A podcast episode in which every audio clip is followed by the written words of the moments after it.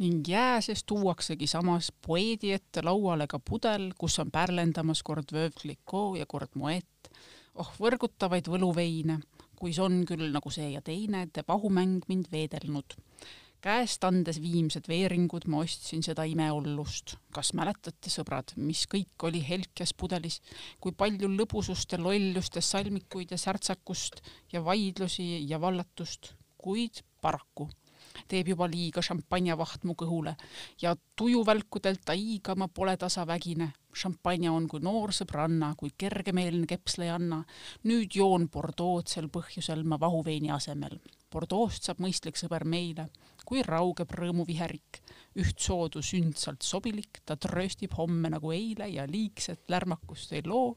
tõepoolest, elagu Bordeaux Keiu luges kaks värssi Puškini surematust äh, raamatust, teosest Jevgeni Onegin, kus räägiti šampanjast. neljakümne viies ja neljakümne kuues salm, kui ma nüüd siis Jaa. aru saan, jah. me, saade, mida te kuulate, on Vala välja.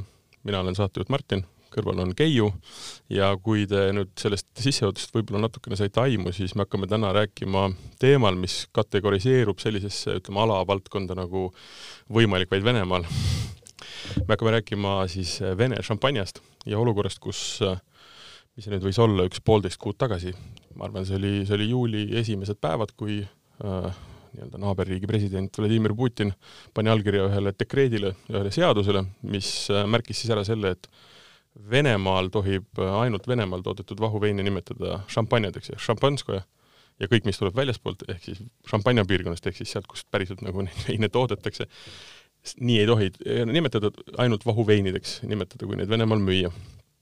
ja nüüd me natukene siis mõtlemegi sellest, et kas see on lihtsalt kius, kas selles on nagu mingisugune tõde ka sees ja meil on saates ka külaline, kelle käest saab küsida, et kas Venemaal siis päriselt tehakse, ütleme, šampanjaväärilisi veine või ei tehta. mis värk ikkagi selle, kogu selle looga oli, sest Jah. me oleme siiamaani näinud ikkagi väga lühikesi artikleid. meil on, meil on stuudios äh, Time to Wine'i peremees Georgi. Leinemann, boss, jah, lõpuboss. lõpuboss. tere, Georgi! tere kõigile! meil on äh, laua peal ka kaks veini, meil on üks siis nii-öelda see äh, päris šampanja, kuidas siis nüüd nimetada, eks ju, päris šampanja, mis on Abrau Turso siis, siis Venemaal toodetud ikkagi noh, tegelikult vahuvein, eks ju, ja siis äh, Georgi võttis kaasa ka ühe nii-öelda ikkagi šampanja šampanja, ehk siis mida ei toodetud tohi Venemaal enam šampanjaks siis nimetada. jaa, Georgi, kuidas selle looga ikkagi oli, Martin tegi siin lühikese kokkuvõttega, vaidle vastu, täienda, mis seal tegelikult siis ikkagi juhtus? mida nüüd milleks tohib nimetada või ei tohi või täielik müstika? eks ta müstika on, äh, küsimus, kellega vaielda ja millest vaielda. kui me räägime šampanjast, siis enamik veinisõbrad teavad, et šampanja, päris šampanja tuleb ikkagi šampanja piirkonnast ja ja, see on vahuvein, mis tuleb šampanja piirkonnast, aga kõik muu, mis tuleb äh, väljaspool šampanjat, on vahuveinid ja igas piirkonnas, riigis on äh, oma nimetus. Venemaal on äh, pikalt kasutusel olnud vahuvein või griste šampanske ajalooliselt võib-olla kõik teavad, kõigil on tuttav nimetus Sovetskaja šampanska Mm. Mis on äh, Nõukogude Liidust ja enamasti kõik venelased on harjunud just selle vahuveini liigiga nagu Sovetskaja šampanska. ütleme niimoodi, et Venemaa valitsejatele on meeldinud äh, teha dekreete, mis äh, nõuavad seda, et šampanja on ikkagi, tuleb Venemaalt, ehk et see oli ju Stalin, kes selle nii-öelda mm, otsustas, et peavad, peab olema mullivein, mis on kõikidele nii-öelda inimestele kättesaadav. Kättesaadav. magu, magus ja mõnus. šampanskoja, kas see ei ole hoopis Krimmist alguse saanud või? Frolov, vene keemik äh, Frolov Bagrejev oli see, kes äh, sai ka Stalini preemiat sellest, et ta töötas välja meetodi, kuidas luua sovetskaja šampanskaja, mis tegelikult on pigem šarmameetod. Aga see on mingi väga tüütu asi, ma saan aru, et seal oligi mingid eri, erinevad vaadid, kust muudkui tuli ühest teise suruda seda ja vahepeal veel vägisi seda mulli sisse pressida, mingi väga imelik süsteem on seal šampanskojal. ja mis on väga levinud täna maailmas. see, tänu sellele ta sai Stalini preemia ja vene, venelased said nautida ja tähistada oma riiklikke pühi ja, ja sünnipäevasid ka šampanjaga ehk kohaliku vahuveiniga. Aga mis selle juures on eriti põnev, on see näiteks, et kui üheksakümnendate alguses toimus vabanemine, siis näiteks äh, äh, Valgevene, Kõrgõzstan, Moldaavia, Ukraina erinevad nii-öelda rahvad, kus tegelikult, ja riigid, kus tegelikult toodeti seda äh, šampanskõed, said osta endale selle õiguse seda niimoodi noh, tootmist jätkata ja seda toodetaksegi tegelikult Läti, Lätis, minu arust kas Riias toodetakse ka tegelikult. ei nimetata enam šampanskojaks, see, on, tal on mingi muu nimi, ma käisin seal Lätimaal ja suure hurraaga ostsin ja maitsesin seda. Need vaidlused käivad äh, üsna pikalt, äh, venelased ja prantslased on äh, kümneid ja kümneid kordi laua taha istunud ja arutanud, kuidas edasi minna ja kas venelastel ikka on õigus nimetada seda šampanskojaks ja, ja nüüd see päädis, nagu kõik teate no,, selle kurikuulsa seadusega mis pööras kõik äh, tagurpidi. see, seal, see järg oli ka päris veider, et ma saan aru, et, et Moet NSC siis alguses korraks äh, tegi suu lahti ja ütles, et niimoodi me küll seda šampanjat enam Venemaale ei vii ja siis natukene aega hiljem ütles, et no samas ei ole hullu, et nimetame siis selle ikkagi vahuveiniks ja läheb ikka kas see, kas see on tõesti nagu nii oluline osa siis šampanja äh, müügist äh, Venemaal või? ütleme niimoodi, et äh, Venemaa turg on üsna suur ja mitte ainult sellistele suurtele tootjatele nagu Moe Chardon, et kõik ihkavad sinna pääseda.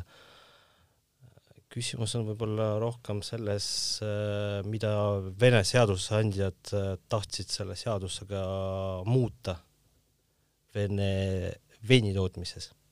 et see seadus, seaduse põhipoint ei olnud äh, muuta reeglistikku, kuidas nimetada Vene vahuveini, vaid muuta, tuua muutusi veini valmistamises, meetodides ja, ja seda korrastada. tegelikult äh, esimest korda seda seaduseelnõu äh, käidi välja neli aastat tagasi. ja ta on äh, mitu korda läbi käinud äh, Riigiduumas yeah. ja ta on kaks korda tagasi saadetud. sellega said tutvuda ka suured maaletujad, veinivalmistajad, aga nagu, nagu Venemaal ikka juhtub, keegi mitte midagi ei ole muutnud ja lõpuks allkiri sai pandud ma vaatasin, et The Guardianis olid mingisugused numbrid ka, nii palju oli seal, et äh, sellest vahuveinist, äh, mida Venemaale mm, viiakse, on kolmteist protsenti šampanja ja selle kolmeteistkümnest protsendist omakorda kaks protsenti on siis Moet Hennessy'l, kes nüüd siis andis kiiresti mm, alla justkui, no ma ei tea, kas see on allaandmine samas kõlab ikka nagu on. ma vaatasin, et Guardianis üldse oli eraldi lugu, kus oli juttu räägitud äh, Venemaa vinoteekide peasommeljeega, tega ja, ja nemad nagu ei paistnud küll kuidagi arvavat, et, et see oleks hea mõte šampanjat ja šampanjat edaspidi äh, segamini ajada või segadust tekitada. Nemad ikka ütlesid, et Prantsusmaa šampanja on see, mis nagu nende lettidele jääb, et mingisugust muud muudatust ei ole lähitulevikus äh, plaanis nii palju, kui mina olen aru saanud, lugenud ja kuulanud eh, erinevaid e-, Venemaa eksperte, eh, veinivalmistajaid ja sommeleesid, ega paljude jaoks oli üsna suur üllatus. ja kui siin koolis on õpetatud, et šampanja tuleb mm. ikkagi šampanja piirkonnast, siis see nii, nii on ja terve maailm seda niimoodi võtab. ja on eksperte, kes on öelnud, et eh, see on kuidagi meist mööda läinud, me ei taha hõivata seda nimetust, me tahame pigem äh, toota samal tasemel nagu šampanja mm., klassikalisel meetodil vahuveine, aga mitte kasutada selleks äh, nime šampanja. no minule, noh, sa mainisid seda, et see on mitmeid ja mitmeid kordi on käinud nii-öelda erinevad pooled laua taga ja see seaduseelnõu on juba neli aastat, ütleme, olnud nii-öelda soolas, eks ju, põhimõtteliselt, siis tegelikult tundub ikkagi ja ütleme, okei okay,, jälle see teema, et, ähm, et ideeks on nii-öelda kohaliku veinitootmise arendamine, lükata talle uus käik sisse ja seda ma lugesin ka paarist artiklist, et noh, et, et Krimmi uuesti siis noh, andagi võimalus või noh, tänu sellele, et tekitada siis äh, sisemaal, noh, siseriiklikult nõudlus, eks ju, et äh, neil on põhjus hakata tõstma ka taset, eks ju. siis noh, ega lõppkokkuvõttes tundub see ikkagi kiusamisena, sest ma saan aru, et tegelikult äh, me räägime siin šampanja nimetusest, aga konjak on nagu järgmine teema. mida, mida tegelikult kasutatakse ju samamoodi nagu noh, terve nõukogude aja me teame kõiki asju ainult konjakina ju. brändi hakkas tulema alles pärast nii-öelda seda, kui näiteks Eesti iseseisvaks sai ja pudelil hakkasid tulema, mina näiteks noh, noor, väga noor laps ka, aga siiski mulle tuli nagu üllatusena, et mis need on.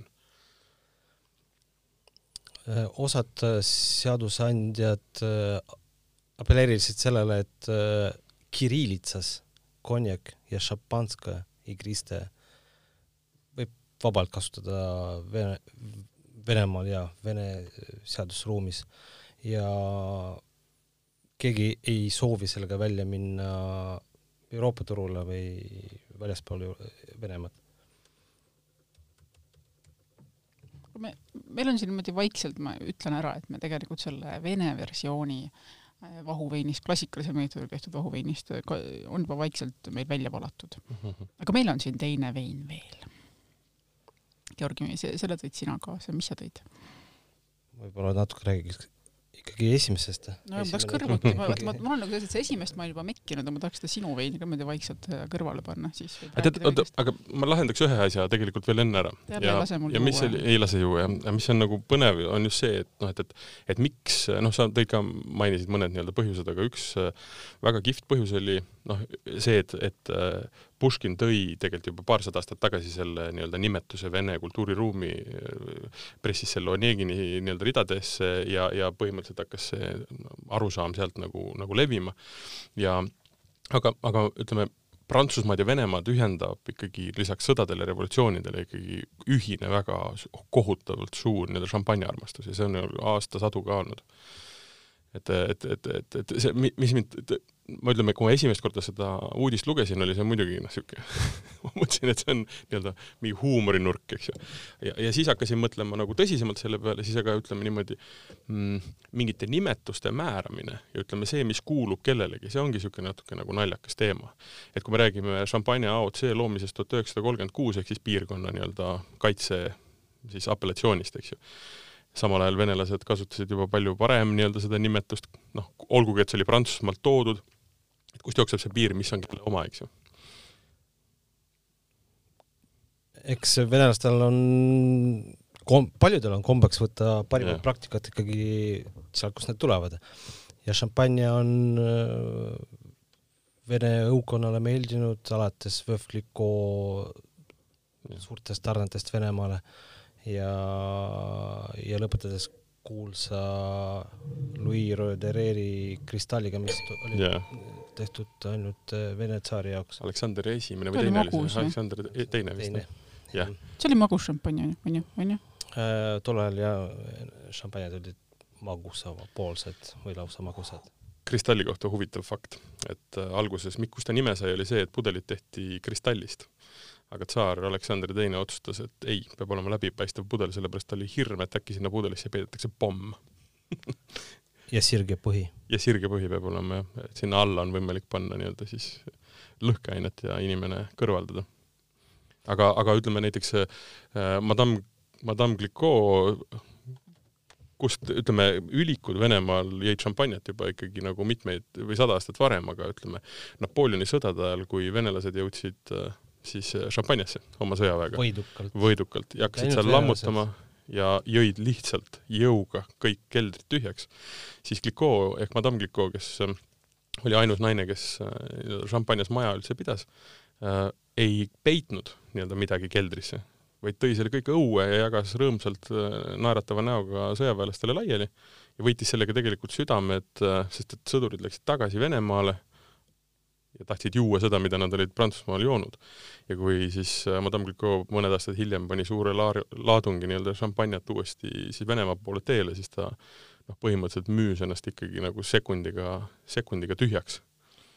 et äh, see on niisugune huvitav ikka armastus šampanja, hea, hea šampanja vastu on Venemaal olnud kogu aeg väga kõrge see ei ole mitte ainult huvitav, vaid äh, väga arukas turundustrikk, kuidas müüa ennast Venemaal turule. ta ütles ka lause, et äh, kuidas see oli, ma isegi otsisin selle välja, et alguses ma annan ja siis hiljem nad ostavad või maksavad. maksavad ja ostavad jällegi elementaarne. elementaarne, jah et aga, aga näiteks veel, ma jälle kordselt Keiu hakkab siin, et ma ei anna lase tal juua, aga näiteks jälle see, see nii-öelda nimetuste ja ja, ja, ja asjade noh, siis nagu ristkasutus, kui me võtame näiteks äh, Odessa ja seal siis äh, Šuštovite dünastia, kes tegelikult hakkasid seal valmistama ju konjaki, või tähendab brändit, eks ju. ja nad Prantsusmaal siis nii-öelda maailmanäitusel võitsid pimedestis kõiki ja said õiguse siis tegelikult nii-öelda Ukraina piirkonnas kasutada sõna konjak, väljapoole ei tohi selle nimega müüa. aga Ukrainas on nad konjak, noh, mine võta kinni, onju. ja tegelikult samamoodi, kui me räägime nii-öelda sellest noh, mis, mis, mis ju veel, okei okay,, me rääkisime sellest, et see mm, Nõukogude Liidu šampanja tootmine sai Odessas alguse, aga tegelikult see kõik algas ikkagi ju noh, viiskümmend aastat varem. see algas äh, palju Sealt varem, palju varem ja ja võib-olla kõige kuulsam vei, veinimeister, veiniteadlane, suurepärane degusteerija Lev Sergejevitš Golitsõn, kes mm -hmm. asutaski Just. Novi Svet veiniaiad ja kuulsal Pariisi maailmanäitusel tuhat üheksasada tema vahuvein ehk Vene šampanja, tol ajal ka Vene sai ju Grand Prix. pimedestil. pimedestil jah. Ja., tol ajal kõik šampanjad prooviti pimesi, oli pu, pudeli peal olid ainult numbrid ja valiti kuld, hõbe ja medali väärilist mm -hmm. šampanjat ja Grand Prix sai pimesi Venemaa šampanja ja kui oli äh, pidulik õhtusöök, kus sõna võttis äh, Chardoni esindaja, omanik. ütles, et äh, mul on rõõm jagada teiega seda šampanjat, mida on valmistanud minu ka kauaaegsed töötajad, kes on põlvest põlve seda teinud. ja selle peale Lev Golitsõn tõusis püsti, ütles, et mul on siiras rõõm, et te saate reklaamida Venemaa šampanjat ma kardan, et, et nüüd seadus, mis vastu võetis, oli teine suurem, suurim löök äh, Prantsusmaa šampanjatootjatele. ja, ja, ja, ja see Galitsini äh, nii-öelda koht, kus ta tegelikult seda veini tootis, millega ta selle Grand Prix võitis, oligi Abreu Tursa. seesama nii-öelda vein, mis meil laua peal on siin ka. küll selle kõige nii-öelda üsna lihtne, lihtne versioon. vahepeal oli väike, väike piuks, mis tähendas, et ka minu soovid on vahepeal täitunud teie jutu vahel me saame proovida päris šampanjat. jah. lõpuks. vala välja ja siis me saame võrrelda ja sa saad hinnata seda konkreetset äh, jooki ka, mis on siis äh Russian sparkling wine, Abreu Durso Brut ja äh, sellest on olemas ka muidugi nii-öelda vähe niisugusem edevam versioon, äh, mis oli vist, ma arvan, aastakäigu, aastakäigu vein. aga mis on põnev, ütleme, üks asi on poliitika, üks asi on see osa, et ähm, noh, ütleme, eks oma, omajagu nii-öelda on, on selles kõiges, äh, mm, selles Venemaa otsuses ka muidugi nii-öelda nendele, nendele äh, Äh, siis Euroopa Liidu ja jumal teab kelle poole, kelle poole neile tehtud nii-öelda sanktsioonid, on ju. et äh, sellele teha mingisugune vastukäik. aga niisugust äh, nagu kakluse ja veiderduse hing, hingust on selles nagu kõiges tunda nagu päris palju. aga ütleme, üks, üks asi on see poliitiline pool, aga teine pool oligi see, et äh, ma olen siin päris mitmete sommeljeedega ka rääkinud sellest ja küsinud ja uurinud, siis tegelikult ütleme, Vene vahuveinidest ja Vene siis nii-öelda nagu äh, veinidest üldse teatakse ikkagi üsna nagu vähe, et kui ma küsisin, et noh, et, et mis need Vene vahuveinid siis on ja kui vinged nad siis on, et kuna järjekordselt äh, argumenteeriti, et Venemaa vahuveinid on ju peaaegu sama head kui Prantsusmaa omad, et mis me siin ikka karjume, et et ärge, ärge põdege, et nimetame teistmoodi, aga jook on ikka hea, siis tegelikult ikkagi sommeljeed ei tunne Venemaa neid veine. A, ma eeldan, et nad ei jõua siia, B, ma eeldan, neid ei olegi siis, või C, et nad on lihtsalt nii kehvad, et nad ei ole kunagi nagu meelde jäänud et miks, miks tegelikult äh, me täna siin räägime, et ega me seda poliitilist teemat siin ära ei lahka aga lihtsalt ongi küsida, et kas, kas Vene šampanja ja Vene vein, ütleme, jätame selle nime kõrvale, et kas ta on üldse midagi väärt? Poli-, poliitikat lahata on alati ikka väga keeruline praegu lõpuks aga, kaklusega jumal teab millega. aga mis puudutab Vene veini, ma ei ole nõus, et sommeljeed ei, ei tea ei tunne, võib-olla me oleme saanud vähe proovida vene veine, häid vene veine või no, pigem niimoodi, pigem niimoodi, eks ju. Äh, võib-olla tavatarbija nii, niivõrd kursis ei ole, aga kui, kui me teeme lahti mõne dekantri, siis, siis ka sealt äh, vahest leiab põnevat jooke Venemaalt, mis on saanud kõrgeid hinnanguid. no kas need põnevad joogid siia ka jõuavad või? on jõudnud äh,, aga väga vähe kahjuks. Ma saan aru, et Martin, kui ta käis nüüd otsimas seda Abrau Tursot, siis ta tegelikult sihtis ka alguses kuskile kõrgemale kvaliteedi poolt, aga no lihtsalt ei leidnud üles. sain ma õigesti aru, Martin mm,? täpselt nii. kui me räägime Abrau Tursost, siis äh, see on ajalooliselt üks äh, vanimaid tootjaid, vahuveini tootjaid ja küll nad keskenduvad tegelikult masstootmisele, aga nad teevad väga suurepäraseid vahuveine klassikalisel meetodil, mis ei ole võib-olla nii ägedad kui tippšampanjad, sest eh, šampanjad me teame, šampanja eelis on ikkagi terroir, mida ei leia sealt äh, Lõuna-Venemaalt. aga, aga parimad äh, vahuveinid on mitte vähem väärikad kui šampanjad, ütleme niimoodi ja kui me räägime veinidest, äh, mitte mine, minnes poliitikasse, siis Krimmist leiab väga palju ägedaid tootjaid, just äh, kui me räägime väikestest tootjatest, mida ma olen saanud proovida ja mida kahjuks ei ole Eesti turul ega Euroopa turul. aga need kriiti-, välismaa kriitikud, kes on proovinud neid veine, ütlevad, et äh, see on maailma tase aga sellest hoolimata minu äh, väikese peakese ajab see plahvatama. kui ma olen Venemaal käinud äh, ja vinateekidest otsinud veine, siis juba paar aastat tagasi, noh, Krimmi veinid olid siis kolinud vastavalt äh, Venemaa sektsiooni. et ei, ei olnud enam Ukraina sektsioonis ja lihtsalt äh, ei ole võimalik neutraalselt vaadata minu meelest, kui sa näed, et, et noh, selles mõttes see geograafia ja poliitika juhtub nagu vinoteegis su silme all lihtsalt puhtalt paigutuse tasandil juba. nagu raske no. mööda vaadata kõige rohkem äh, tekitav segadus, kui sa vaatad äh, Venemaal toodud äh, veine ja tagaetiketil on ikkagi kirjutatud Zdjelana v Ukraini ma olen ka siukest näinud. kuulge, aga mis te sellest Vene vahuveinist, mis meil nüüd ees on ja mille pilt läheb kindlasti selle loo juurde ka, mis te sellest ikkagi arvate? ehk ta selline lihtsake on.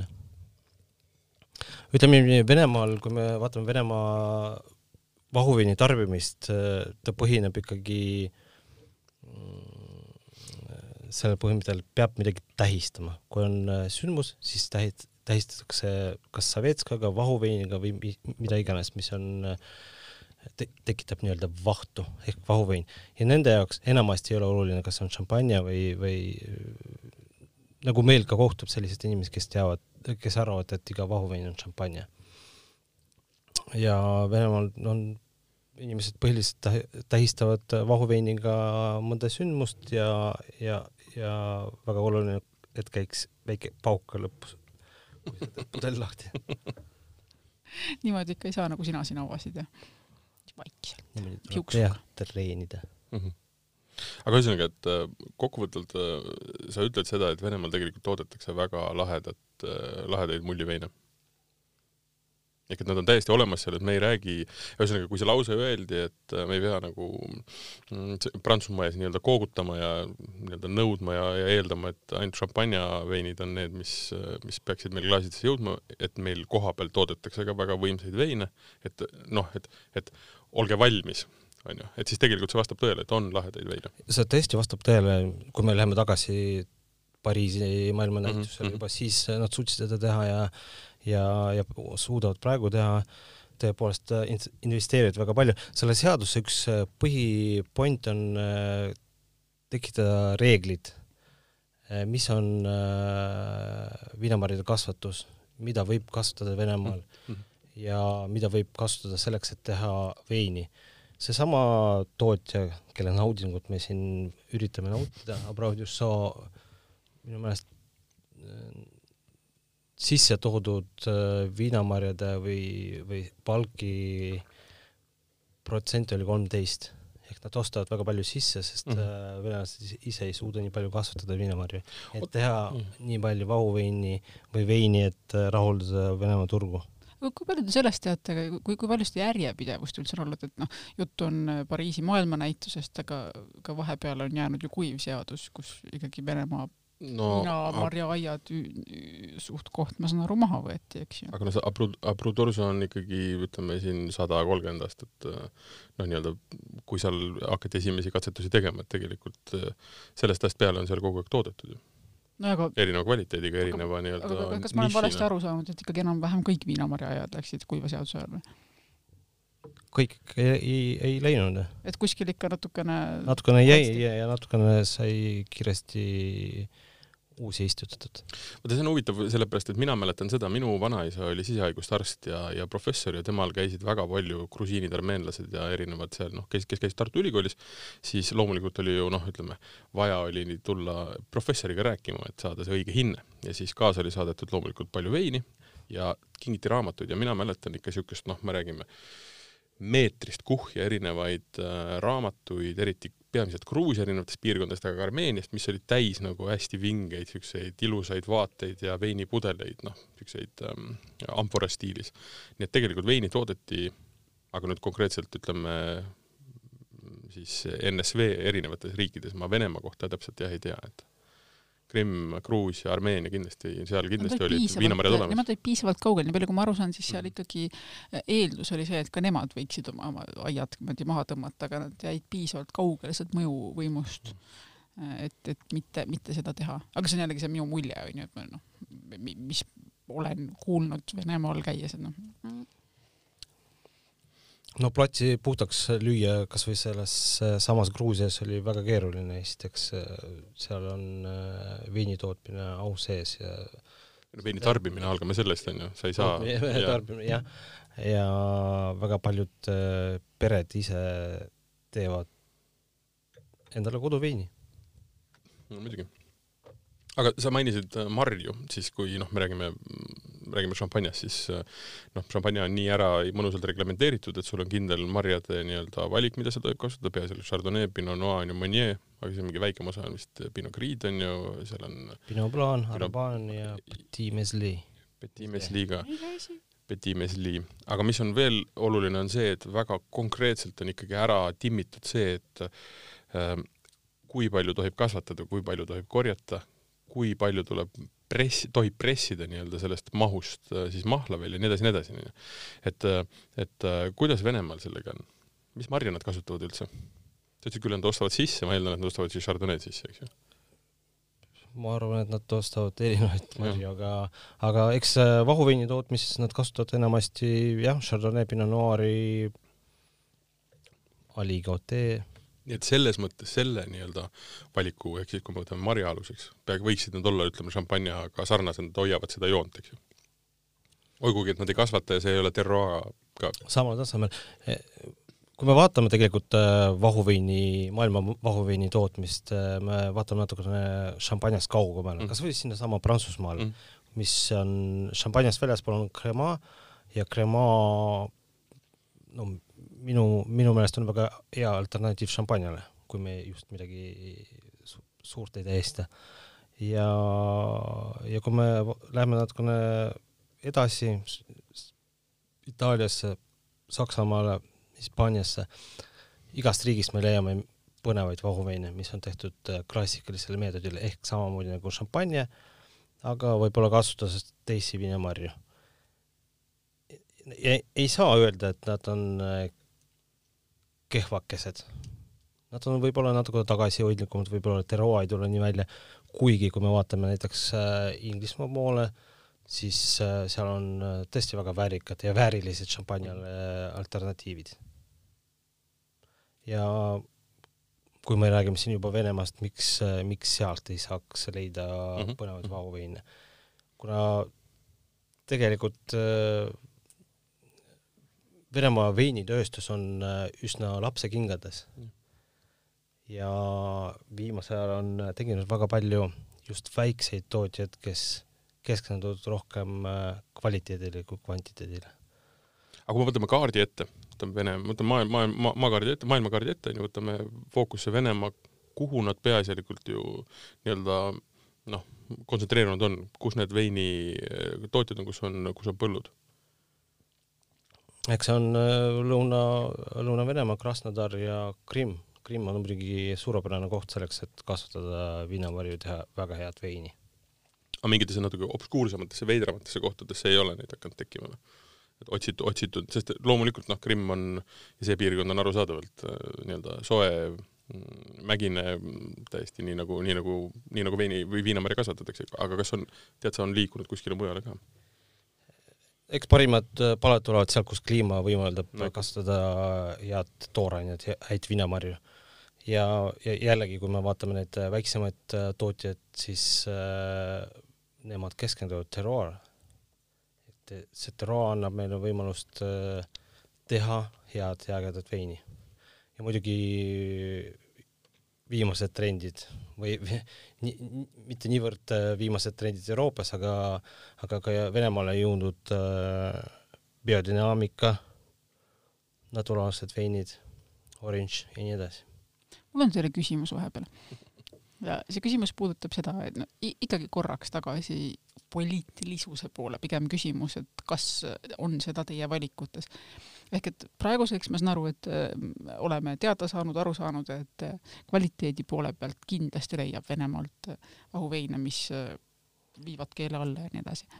aga kui nüüd ükskõik, kas lihtsalt veinijoojana või eelkõige võib-olla isegi veini maaletoojana, kui palju te teete oma tarbimises või siis mingisugustes ostu, ostude puhul neid valikuid lähtuvalt sellest, et kus, noh, midagi tuleb, et umbes stiilis, kui tundub, et äh, et tegemist on ikkagi mingisuguse noh, mingi otsu, otsusega praegu käru keeramisega poliitiliselt, siis kas te reageerite selles kuidagi oma valikutega või mitte või on ikkagi ainult see, kas maitseb või ei maitse? minu, minu jaoks, isiklikult minu jaoks kõige olulisem on hinna-kvaliteedi suhe, aga see võib-olla ei ole niivõrd oluline peab vaatama, kuidas äh, oma tööd teeb veinimeister eelkõige. ja, ja ma olen jälginud äh, mõnda veinimeistrit Venemaal, kelle toodangut äh, tõepoolest tahaks müüa, tahaks proovida või õigemini ma olen proovinud, aga tahaks müüa ja pakkuda seda teistele, et inimesed saaksid proovida naabri poolt ka midagi põnevat. aga sa mõtled ka niipidi, et, et, et sa tahad ka seda inimest siis toetada, kes sinu meelest õiget asja teeb? Kahtlemata tahaks toetada. ma mõtlen aga..., et kui ma Time to Wine'is ringi vaatan, siis ma üldjoontes näen ikkagi pigem väiksemate tootjate šampanjasid. no me räägime just äh, nendest äh, väiksematest tootjatest Venemaal. näiteks äh, üks nendest on ähm, Oleg Repin, teeb suurepäraseid Syrah Chardonnaysid või Pavel Švets, esimene veinimeester, kes hakkas äh, biodünaamilisi veine tegema Venemaal kahjuks nad ei jõua Eestisse tänu sellele, et nad asuvad Krimmis mm.. no see on puhtalt poliitiline probleem. aga Martin, sina, kas, kui sa jood, kas sa teed selliseid valikuid? kas sa mõtled sellele, keda sa tahad toetada mingisugustel põhjustel oma ostuga? absoluutne vastus on, et ei tee. mina olen, mina, minu jaoks on kõige-kõige olulisem maitse ja, ja siis tuleb nagu Georgi keelelt ütles nii-öelda see hinna-kvaliteedi suhe, see mõte, mis selle taga on, noh, sealhulgas ka veinimeister ja, ja noh, siin ongi näiteks, äh, tekivad need olukorrad, et ähm, noh, kui me räägime ka Eesti mingitest toodetest, eks ju, siis ma maitsen nad hea meelega ära, aga siis üsna kohe lähevad nad sellesse nii-öelda kogu planetaariumi nii-öelda nimekirja, eks ju, ja hakkavad seal seda kohta võitlema selles suures tabelis. ehk et nad ei saa mingit ekstra kohta, et kuna nad on mul kodu lähedal toodetud, onju, et kui su siider on nagu hinna-kvaliteedi suhtelt lihtsalt noh, maksab palju ja on niisugune keskpärane, siis noh, ta lihtsalt koliseb seal kuskil nimekirjas alla, et sa saad seda Normandiast seda samasugust siidrit, eks ju, et et see maitse ja see, mis sa selle eest saad, on tegelikult nagu see kõige ülim, noh, et see, selle järgi ma teen oma otsuseid, et et vaata noh, ütleme, ma, ma, ma saan aru, kuhu sa oma jutuga ja oma küsimusega tüürid, et et ma ei saaks, tohiks olla nii naiivne, et ma siis toetan, toetan, toetan nii-öelda nagu ma ei sihi, ma vale... pigem, pigem nagu küsingi, ma arvan, see, ma lihtsalt mõtlen, et minu jaoks on sarnase kategooria äh, küsimus, et noh, et umbes kas ma lähen kinno vaatama režissööri filme, kellest ma tean, et ta on mm -hmm. noh, täielik äh, Nats sig, siga karistamatu ja nii edasi. jah, ja minu meelest see on huvitav küsimus, ma arvan, et neil Aga vaata- küsimustel ei, olegi alati üheseid vastuseid, aga mulle tundub, et neid peab ikkagi küsima ja Tegelikult ma arvan- tegelikult ma arvan, siin on hästi lihtne tegelikult vastus on see, et ma arvan, ükski nendest veinimeistristest ei ole tõbras. onju. Nad on toredad inimesed, nad tahavad teha veini, nad ei taha olla mingisuguses kuramuse paadis, mis loksub nii-öelda poliitilistes vetes onju, nad tahavad teha veini, olla sellega maailmas saadaval ja teha seda veel palju rohkem, palju ägedamalt, palju niimoodi, mis tähendab seda, et et noh, see, et nüüd on nagu noh, ütleme ühelt poolt ei ole paremat turundustrikki kui see seaduse vastuvõtmine, sellepärast kõik räägivad nii-öelda sellest šampanjast nüüd ja Venemaa asjadest ja nagu me sinu siia kutsusime, et küsidagi, et mis seal toimub siis. et kas päriselt on sealt võimalik saada siis nagu lahedaid asju, et noh, et paneme, istume auto peale, lähme Venemaale, hakkame sealt nagu ringi tuuseldama, onju.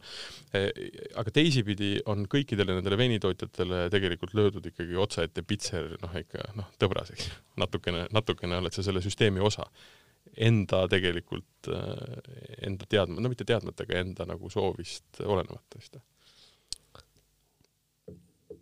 ma arvan, et äh, see oli väga suur üllatus ka paljude No, tootjate täpselt, jaoks mitte ainult ka väikeste tootjate jaoks äh,. Audioso peadirektor ütles, et, et nemad ei tahtnud mitte kunagi kaaperdada nimetust äh, šampanja. Nad toodavad vahuveini ajalooliselt juba päris pikalt ja teevad seda hästi ja ei, ei, ei näe pointi, et, et see kannaks nimetuse šampanska igriste. aga kui me räägime sellest seadusest, tegelikult äh, väga palju seal äh, ei muutu, sest äh, need, kes on Venemaal käinud ja käes hoidnud kas või Moe Chardonnay pudelid, siis äh, tagaetiketel ehk kontraetiketel on kirjas, et äh, igriste vino šampanske. Mm -hmm. ehk äh, tegelikult šampanjatootjate jaoks mitte midagi ei muutu, šampanja, prantsuse keeles šampanja on ikka, on etiketil olemas, muutub võib-olla bürokraatia väga oluliselt, sest äh, kõik saatedokumendid ja ne- needsamad äh, peale kleebitavad valged äh, kohustus, kohustuslikud etiketid äh, peavad kandma nimetust äh, igriste vino, mis äh, puudutab prantsuse šampanjat Mm -hmm. ja see on paras bürokraatia, kuna Venemaal on registreeritud üle kümne tuhande erineva vahuveini ja need tuleb ümber registreerida. Ja kuidas nad kõik maaletoojad äh, jooksevad nüüd äh, laborisse oma kahe pudeliga võidu, kes ees see mees. seepärast ma ütlengi, et see on niisugune nagu kius, noh. kius mitte ainult äh, šampanjatootjate kius, vaid äh, see on ka kohalike tootjate kius. aga ilmselgelt seda seadust oli vaja, mitte just äh, sedasama punkti, mida me täna arutame. Aga paljude jaoks oli tõesti väga uudne ja ei olnud sellist äh, aega, et äh, läbi mõtestada ja mingit üleminekuperioodi, et äh, et sujuvalt läheks äh, üle, tekitamata segadust paljudes inimestes. no muidugi prantslased, prantslaslikult kohe teatasid, et mingi kõik kuu peale me lõpetame igasuguse suhtlemise, joome ise oma šampanja ära ja vaadake, venelased, kuidas te ise hakkama saate. ja jällegi kaks päeva hiljem umbes ma tahtsin just öelda, vaadati nii-öelda numbrid üle, Excel tabel löödi kokku, vaadati, et kurat ei vea välja. hakati, hakati nii-öelda tegema, tegema möönduseid.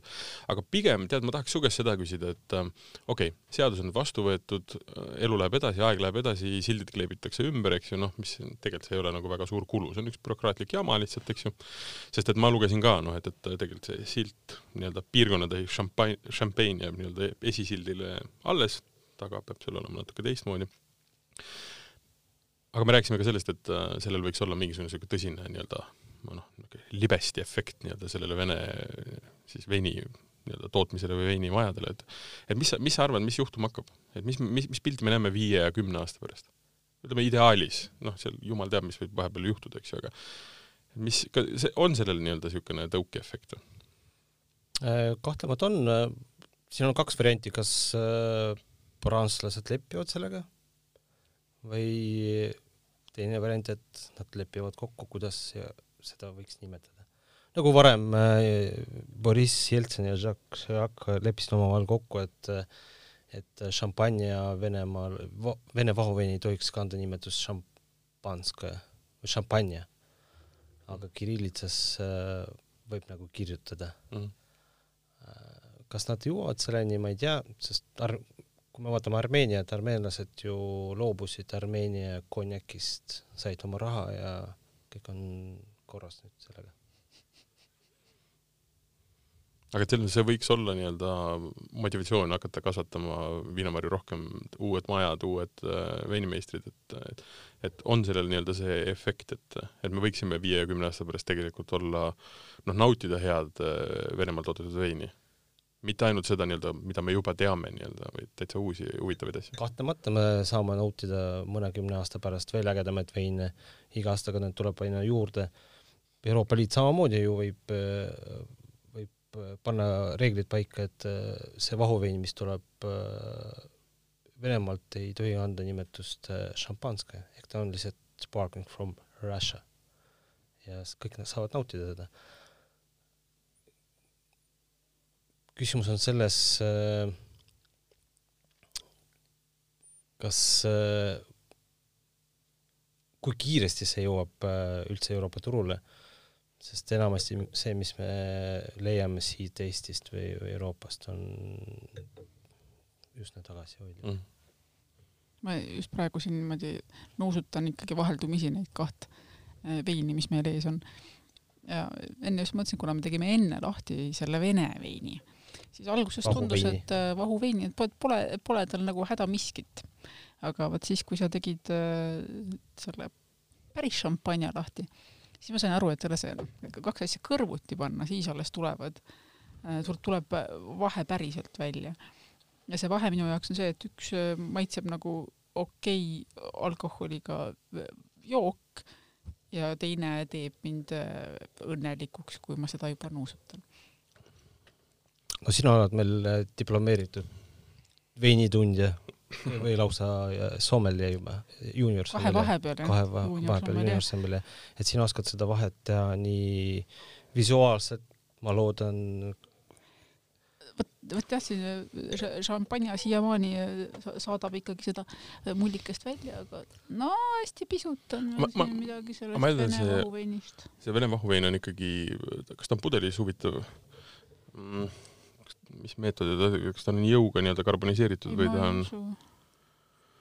ma ei usu, et selle jaoks on seda muldlesin liiga kaua. jah, jah, jah, aga ütleme niimoodi. ma tulen nagu selle juurde praegu tagasi, et, et küsimus ei ole ju selles, et, et, et kas ma oskan neid asju kuidagi kirjeldada ja hirmus pikalt siia juurde midagi rääkida, vaid lõpuks on noh, nagu ikka veinide puhul, et hea vein on siis, kui maitseb, eks ju.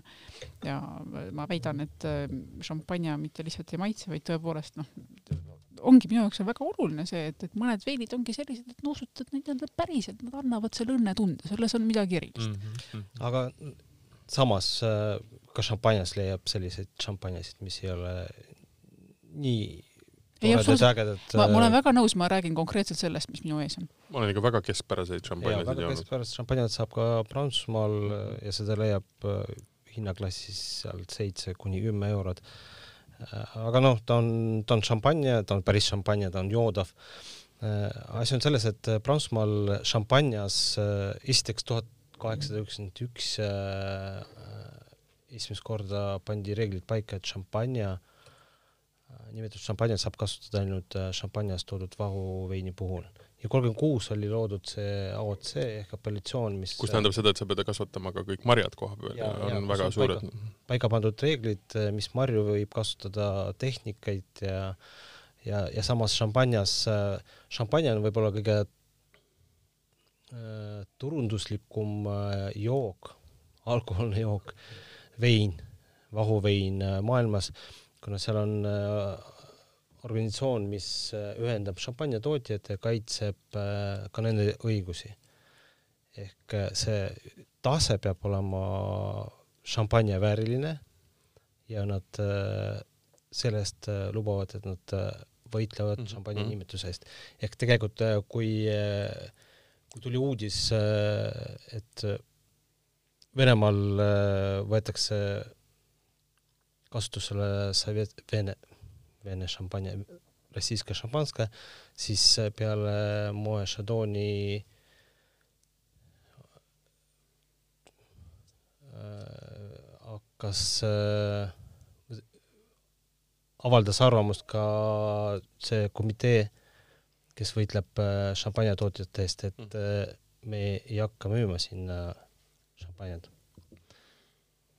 see kvaliteedikontroll on muidugi teine asi, millest või veel üks asi, millest nagu rääkida täpselt, et, et noh, et sul kõik asjad ikkagi ei ole ka šampanjast toodetuna šampanja. sada protsenti kõik ei ole, ta peab ikkagi mingisuguse taseme saavutama, eks ju. šampanjas. nimetatakse ikkagi kõik, onju. šampanjast toodetud vahuvein on kõik šampanja, eks ju. mitte, aga, aga samas see lävi, mida nad taga ajavad see on lihtsalt nende nii-öelda selle organisatsiooni enda mingisugune läbi, mille nad võtavad siis, et mis on nii-öelda väärtuslikum, mis ei ole väärtuslikum. aga ikkagi kvaliteedikontroll, noh, et, et sa saad olla kindel, et see, mis kuskil on müügil, on ikkagi sa saad kindel olla, sellepärast äh, paika on pandud reeglid, kuidas äh, ja. ja mismoodi sa toodad ja mis marjades sa toodad seda vahuviini. sest noh, meelde tulevad ladad, millele kunagi üheksakümnendate alguses pandi Mercedese märk peale, noh ei sorry visuaalselt võis kõik olla nagu korrektne, aga sisu ei olnud aga ma ütlen, ma nädalavahetusel tegin nii-öelda tutvust selle Abro Durso veiniga. Ja, ja, ja ma ütlen, ütleme niimoodi, et ma olin selles mõttes meeldivalt üllatunud, et ma ootasin palju koledamat pilti. et ta on lihtne, absoluutselt, ta on väga niisugune marjane, kiiresti läheb mull ära, ta on niisugune lihtne, aga ta ei ole üldsegi nii kohutav ja kole, kui ma tegelikult võib-olla oleksin nagu eeldanud, arvestades seda, et kunagi on ka nii-öelda Igristot tavalist nii-öelda siis Lätis Riias toodetud kraami joodud, eks ju. et noh, sa ei.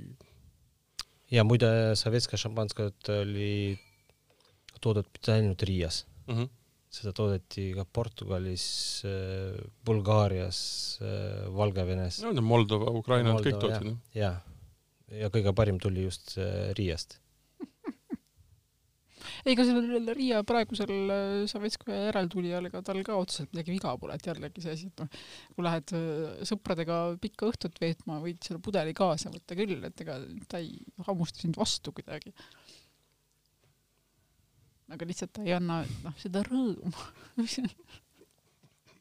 Mul on millegipärast tunne, et selles arvamusel oled sa küll üksi. Ah kui, kui tagasi tulla selle seaduse juurde, siis äh, mulle tundub, et äh, rohkem kõlapinded on leidnud äh, just meil või Euroopas kui seal Venemaal. ma arvan, et paljudele venelastele on suhteliselt ükskõik, mis seal tagaetiketil on kirjas.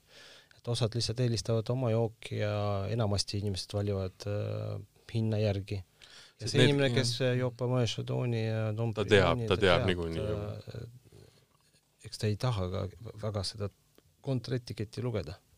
ta vaatab, mis on eeskirjas. ja, ja, ja just, just, just, just, just, just. ei, ma, ma, ma arvan, et noh, prantslased on, sellepärast ongi hästi eriline rahvas, et nad on noh, põhimõtteliselt kõik, mis vähegi võimalik, on ju ära sidunud oma maaga mis tähendab seda, et noh, et me räägime seal, me ei räägi ainult veinist, me räägime juustudest, kanadest, vorstidest, noh, absoluutselt kõigest, see on kõik nii-öelda piirkonna tähistega ära märgitud, mis tähendab seda, et noh, et Nad kohutavalt hindavad seda maad, nad tohutult hindavad seda terroaa, meile, mis iganes seal kasvab, eks. no see ei ole ainult prantslaste asi, siis no prantslastel eriti jõuliselt. inglased isegi oma juustudega. no just, aga, aga, aga, aga inglane vaatab seda asja läbi ikka siukse nagu kerge spektri, prantslane on ikkagi noh, nuganeerus või minu võit, eks ju, et nemad ei lase siukest jampsi, jampsi teha, et ma arvan, et kui venelased hakkaksid Stiltonit tegema, siis võib-olla läheks ka brittidega jamaks, aga aga ma ei kujuta ette. Noh. ma arvan, Venemaal on võimalik kõik aga, aga jah, prantslased on selles mõttes äh, patrioodid ja nad kaitsevad oma apellatsioone ja see puudutab mitte ainult äh, veine, see puudutab juustu ja yeah. ju, juustu apellatsioone on kõige rohkem ju Prantsusmaal. Georgi, kust sinu lemmik äh, vahuvein tuleb? kui sa lihtsalt oled siin, ma mõtlen, et sul on neid nii palju seal äh, Time to Wine'i kahes kohas mis sinu isiklik lemmik on ja kas sa müüd seda ka, mis su isiklik lemmik on? üsna tüüpiline küsimus, mul ei ole lemmik veini, lemmik vahuveini. Ehm, mulle pakub äh, põnevust proovida avastada uusi maitseid, avastada uusi tootjaid. kindlasti. aga kindlasti, kui me räägime marjadest, siis see on kindlasti Pinot Noir ja kui me räägime piirkonnast, siis see on kindlasti šampanja päris pr prantsuse šampanja see on huvitav ja see on jah, et nüüd, nüüd peab kuidagi täpsustama, mis asi on päris šampanja ja mis ei ole, eks ju. no enam me... ei pea, ma arvan, me ikkagi nagu enam-vähem oleme selle teema nüüd ära katnud nende minutite jooksul. ja, ja, ja ma lihtsalt mõtlen, et et noh, siuke maitsete ja, maitsete ja ütleme, aroomide ja kõikide nagu elamuste siukene nagu turg võiks olla selles mõttes globaalne, et me ei noh, ma, ma, ma täpselt, ma tahaksin tegelikult äh, teada täpsemalt, mis seal nagu toimub, onju mis, mis, mis maitsed ja mis veinid ja mis tootjad seal on. aga ütleme, ma küsin viimase asja, et kui keegi tahab minna nüüd äh, Venemaa siis veinidega tutvuma, räägime, on nad siis mulliga või on nad mullita, et äh, kas oskad soovitusi anda? kaardi peal, kuhu tuleks minna, mis on paar niisugust kohta, mis tuleks kindlasti nii-öelda võtta, võtta nii-öelda vaatluse alla. ma olen enam kui kindel, et täna, kui hästi-hästi nii-öelda olla vaktsineeritud, pääseb ligi. ma ei teagi, kuidas äh, kuidas ma saaksin soovitada minna, kuhu väga ei tahaks paljud minna. aga ja tuleb lihtsalt otsida parimad äh, veinitootjad ja käia tutvumas äh, nende toodanguga või sattudes sinna ärireisil või, või muul eesmärgil otsida mõnest viinategist äh, mõnda veini, mis on, maksab rohkem kui kaks tuhat eurot rublad ehk, ehk see hinnatase on või hind on määrav mm -hmm. kvaliteedi puhul. ühesõnaga Vinotekist küsida ei pea otseselt äh, nii-öelda Krimmi või siis Musta mere äärde. mina käisin Peterburis vinoteekides mm, -hmm. siis mhm. iga kord, kui ma küsisin vene veine, siis vaatasid need vinoteegi pidajad mulle väga kahtlustava pilguga otsa, küsisid, olete te kindel, et te tahate vene veine? paraku kahjuks selliseid äh, küsimusi me veel äh, leiame Venemaalt, sest äh, see on küll kiiresti kasvav turg, veini tootmine kasvab Venemaal mühinal ja jällegi, miks seda seadust oli vaja vastu võtta, sest puht majanduslikult, kui vaadata, siis ühel hektarit me saame pakkuma inimestele rohkem tööd ja me saame rohkem raha. Mm. see on puhtalt majanduslikult otstarbekas raha teenimismasin kui lihtsalt põllumajandus. ja, ja kui tuleb see masstootmine, tekib ka väiketootmine, tulevad need väiksed äh, majapidamised, kes toodavad äh, küll vähe, aga, aga natuke paremat kraami. muidugi huvitav, ma, mis sa ütlesid selle kohta, mul tekkis nagu see mõte, et ma muidugi ei ole Eestis Vinoteki läinud ja küsinud Eesti veini noh, sinu juures ma olen käinud ja küsinud, sa oled mulle soovitanud seal ka, aga aga, aga ma ütlen, et ma ei ole nagu läinud niimoodi, et ma ei tea, mismoodi vaadatakse seal nii-öelda, kui ma sellele otsa, kui ma küsin Eesti veini. et kas pigem nagu kah surutakse ikkagi kuskile, kuskile nagu teise leti äärde või, või et noh, selles mõttes, et noh, Venemaa ei ole väga suur nagu veini, noh, me ei mõtle temast, temast kui suurest veiniriigist, eks ju, et seal juuakse nagu teisi asju et mis see, mis see suhtumine on, et, et mis see suhtumine on meil, no et kui sa räägid, et äh, Peterburis oli keeruline vene veini leida. ei no ma leidsin üles, lihtsalt mm. need omanikud ise ei tahtnud väga soovitada neid. sest esimene valge Eestis toodetud vein ma Georgi juures maitsesingi. Solaris, jah mm -hmm.? suurepärane valge Eesti vein. täitsa tore, jah. Kohe soovitas, ei olnud midagi, et näed ära siin seda asja, ära seda putu, et see on niisugune keskpärane no, või jama. Eestis on äh, lihtsalt võiks äh, iga inimene teada, mis äh, Eestis tehakse viinamarjades ja mis viinamarjades tehakse ja kui hea see on. ja see on tõesti hea. aga noh, Venemaal, ma arvan, see olukord on ka muutumas, kuna, kuna tuleb neid äh, tootjaid juurde ja tuleb ka kvaliteeti, võimalusi on, raha ka mm. paistab olevat ka, ka väga jõukad ärimehed on pööranud oma pilku sinnapoole või nii-öelda oligarhid sinnapoole, et äh, tekitada endale veinimõis ja tunda, et sa oled mm. veinitootja ja sul on pakkuda head veini. viimasel ajal minu meelest Kremlis pakutakse juba peolaos just vene veine mina ootan, et äh, saaks rohkem nii-öelda Venemaad ka veine proovida ja katsetada. mina jään selle juurde, et tuleb kõigepealt äh, uurida, mõelda enda jaoks läbi ka muud küsimused peale maitse mm.. üks mõistuse hääl meil peab siin saates olema, kes ainult maitsete järgi ei jookse nagu. ei, ma ei ütle, kuidas Nagu peab arvama, ma lihtsalt ütlen, et tuleks mõelda, tuleks mõelda, see, see, millisele järeldusele jõuda, seda, selle kohta ma ei ütle midagi. Vene šampanja oli selle saade mõte. tunneme kaasa prantslastele ja, ja, ja, ja proovime Vene šampanjat. tead, mis mul on tunne, ma arvan, prantslased jäävad ellu. kui neil on nii kaua õnnestunud. kahtlemata nad jäävad äh, ellu, sest äh, see on meie kohus toetada neid. Yeah.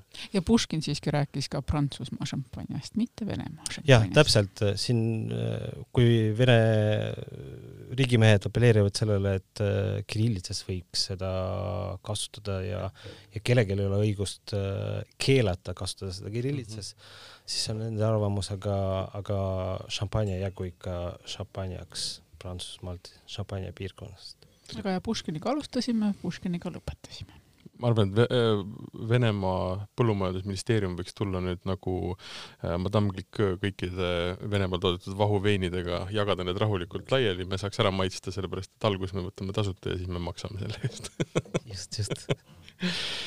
saade, mida te kuulasite, oli Vala välja, mina olin Martin Keiu. ja meil oli külas Georgi Leinemann, kes on Time to Wine'i peremees. nii et äh, ma arvan, et kui teil tekkis nii-öelda isu väikse šampanja järgi ja kuulate te neid nii-öelda veel jutte Venemaa šampanjadest ja sellest seadusest ja Prantsusmaa. või ka Prantsusmaa omadest, siis äh, võtke nii-öelda, kuidas öeldakse, jalad selle alt välja ja minge siis, minge kõrtsi, leiate need ülesse. aitäh sulle, Georgi, aitäh. väga mõnsa sihuke arutelu, noh, ma jään ikkagi Prantsusmaa šampanjale ma kindlaks. loodan, et me kõik jääme. kui praegu vaadata või proovige või nu- nuustage mõlemat jooki praegu, kui nad on soojaks läinud. vot seal kvaliteedi vahe tuleb kohe mühinal. jääme selle juurde. ja värvi, ja värvi, värvivahet on ka natuke näha. soki, sokilõhnaga on see Venemaa praeguseks. jaa.